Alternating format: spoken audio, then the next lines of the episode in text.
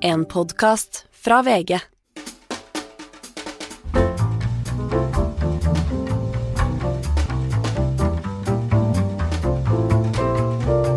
Hei og godt nytt år!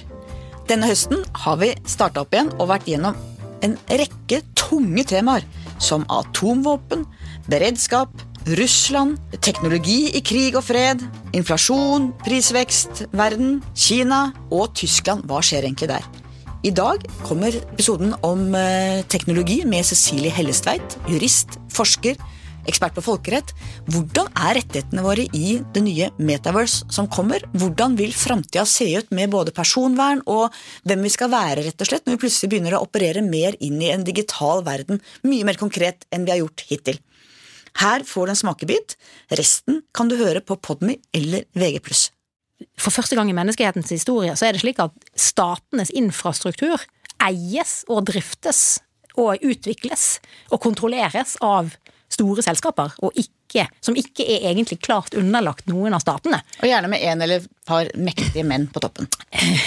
Gjerne det. Men det, det, i, i FN-systemet så har man hatt en sånn, en sånn, prosess for å prøve å regulere normene for, for, det digitale, altså for cyber generelt. Egentlig i, i over ti år allerede, og den har gått sånn passelig bra. Eh, og for tre år siden så fikk man en ny åpen arbeidsgruppe. Og da var tanken at de store statene i verden og de store tech-selskapene, 140 av de største tech-selskapene, skulle sitte sammen og diskutere hvordan man skal ta dette fremover. Og det var jo en sånn inkluderende prosess. Men i år så ser vi jo det at tech-selskapene de ekskluderes. For nå vil statene snakke seg imellom. Nå begynner det å bli snakk om veldig mye sikkerhetspolitiske problemstillinger. Vi har et våpenkappløp, vi har et tech-kappløp, og vi har mer og mer eh, sanksjonsvirkemidler mellom de store aktørene, og særlig mellom amerikanerne og kineserne. ikke sant?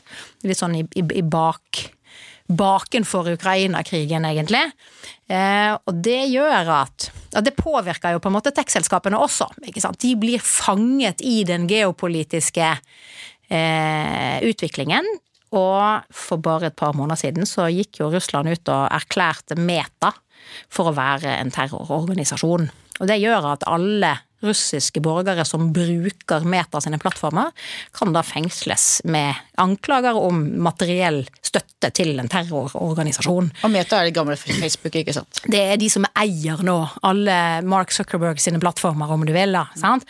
Og, og det er klart, da blir man fanget, da blir også tech-selskapene fanget i sikkerhetspolitiske eh, dynamikker som nok på den ene siden kommer til å gi de kanskje mer handlingsrom, eh, fordi deres egne stater, ikke sant, særlig de amerikanske og de kinesiske, da, kommer til å få videre fullmakter, kanskje, eller oppdrag, mens man blir da liksom avsondret fra enkelte deler av verden. Så spørsmålet er om man også går i en retning av at statene tar mer kontroll, eventuelt at du går mot en sånn todeling fordi kineserne utvikler sine, de store kinesiske selskapene, og så har du amerikanerne. Og så er spørsmålet hvordan, hvordan blir tilgangen da, eh, fra ulike deler av verden. Men vi, det er veldig åpent, egentlig, hvordan dette kommer til å spille seg ut de neste, de neste årene. Eh, ja.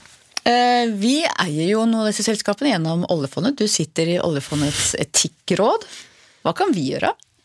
Ja, vi er ganske store, store investorer i egentlig alle de store tech-selskapene som er børsnoterte. Og det er klart at det er veldig gunstige investeringer rent sånn finansielt. Sikre pensjonene våre. Ja, men det er jo klart eh, på, til hvilken pris blir det jo også spørsmål om, ikke sant. Og, og særlig gitt at eh, at Norge jo er en av de fremste brukerne av en del av disse. Altså den norske befolkningen lever i et mer digitalisert samfunn enn de aller, aller fleste i verden. Og det som har vært veldig gunstig for oss, er jo at vi er en befolkning hvor alle har ganske mye utdannelse.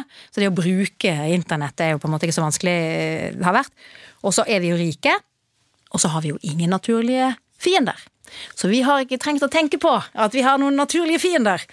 Og det vi ser i, i på en måte digitaliseringen hos de store nasjonene, sånn som amerikanerne og russerne og kineserne, så har de hele tiden måttet tenke på at men vi, vi må ha et digitalisert system som er trygt også i forhold til at andre aktører og andre stater kan på en måte blande seg inn. Og da blir det mye dyrere. Sant? Det blir mye mer omkostningsfullt, og du må tenke helt annerledes når du skal bygge digital infrastruktur. Mens det har på en måte ikke Norge trengt å gjøre på samme måten. Vi har først og fremst forholdt oss til hackere, eller kriminelle, altså sånn, som, som, har ikke så mye Muligens da terrororganisasjoner eh, som angriper oss fordi vi er alliert med, med, land de ikke liker, men det har på en måte ikke vært rettet mot oss. ikke sant? Vi bor et litt sånn fredelig, godt hjørne i verden på ja. mange måter. Og så er problemet da at eh, når verden eh, utvikler seg sånn som den gjør nå, så er ikke det gitt at det er Eh, helt sånn lenger heller. Så, og det gjør at, at, i Norge så er vi på en måte ganske eksponert nå, fordi vi har på en måte bygget vår digitale infrastruktur for en, en litt annen tid enn den vi er på vei inn i. Og da er jo vårt spørsmål liksom, hva skal vi gjøre med det? Og i og med at vi er da investorer i de store tekstselskapene, så er spørsmålet om de delene av den virksomheten som rammer oss og vårt eget demokrati, og som medvirker til at den norske offentlighet f.eks. nå fungerer annerledes enn den gjorde før. Det er en sånn radikaliserende, polariserende dimensjon, egentlig, eller det ligger nær sagt inne i strukturen. sant?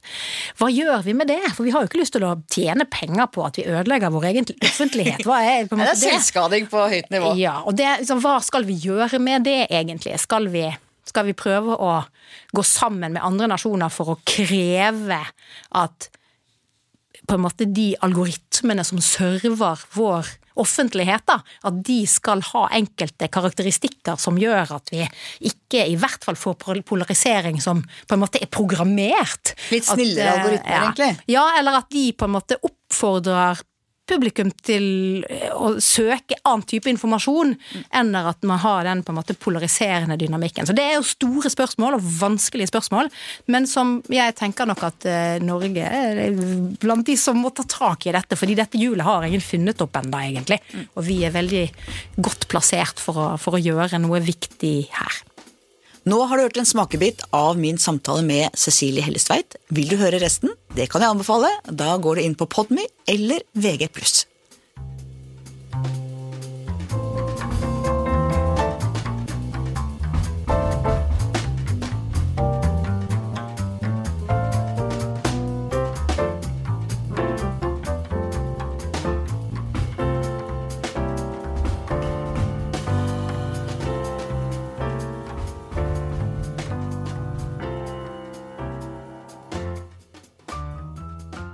Du har hørt en podkast fra VG.